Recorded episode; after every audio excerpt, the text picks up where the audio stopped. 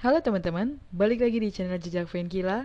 Kali ini gue gak akan bahas masalah traveling ataupun Mobile Legend, melainkan akan review singkat aja tentang film yang baru banget gue tonton yaitu Camplay. Camplay ini dirilis per Desember 2020, ya lumayan baru, dan dia bergenre horror. Di IMDb sendiri di rating 5,7 per 10, di Rotten Tomatoes 58%, which is untuk film horror sendiri ini nggak begitu bagus sih harusnya. Cuma menurut gue ini not bad, dan set ending juga. Film ini diawali dengan ada anak kecil bernama Oliver, dia nggak bisa ngomong atau bisa dibilang bisu. Dia punya ibu yang mana ibunya ini selalu berusaha gimana caranya Oliver tetap melakukan aktivitas layaknya bocah-bocah normal kayak belajar, bermain. Dan ibunya juga masukin dia di tempat terapi supaya si Oliver ini bisa ngomong lagi.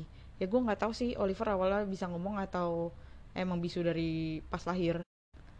Cara Oliver berkomunikasi dengan temennya yaitu via ponsel atau tablet yang mana itu kayak ada aplikasi macam Google Translate. Itu tinggal kita klik-klik aja. Kayak ada icon-icon yang uh, bisa ngomong halo apa kabar? Lagi ngapain? Something like that.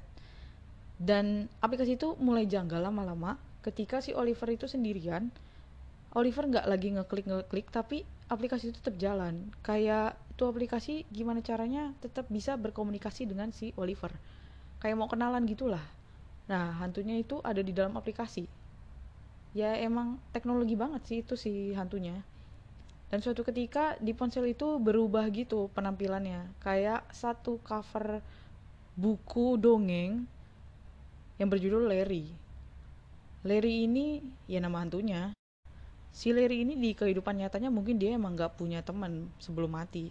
Atau abis itu dia bunuh diri gue nggak tau lah cerita lengkapnya. Yang jelas uh, dia ngegentayangin itu by ponsel.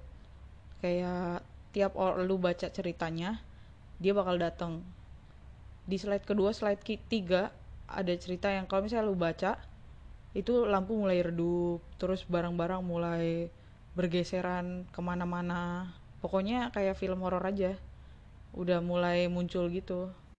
Dan ini lumayan cepet ya proses uh, si kedua orang tuanya menyadari kalau anaknya ini dihantui. Nggak kayak film horor yang lain kan emang agak lama kan.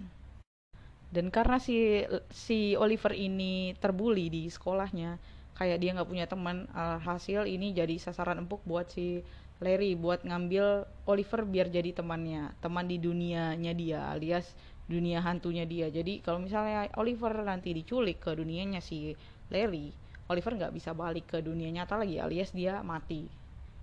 Dan di slide terakhir pada ceritanya itu kayak ada gambar tangan itu gimana sih kalau Larry muncul terus nampilin tangannya atau ngulurin tangannya ya lu harus berjabat tangan dengan dia. Dan kalau misalnya lu nggak tahan buat ngelakuin itu ya dia bakal ngejar terus-terusan sampai akhirnya lu mati dan tetap ikut ke dunia Larry. Emang benar-benar se-OP itu juga sih.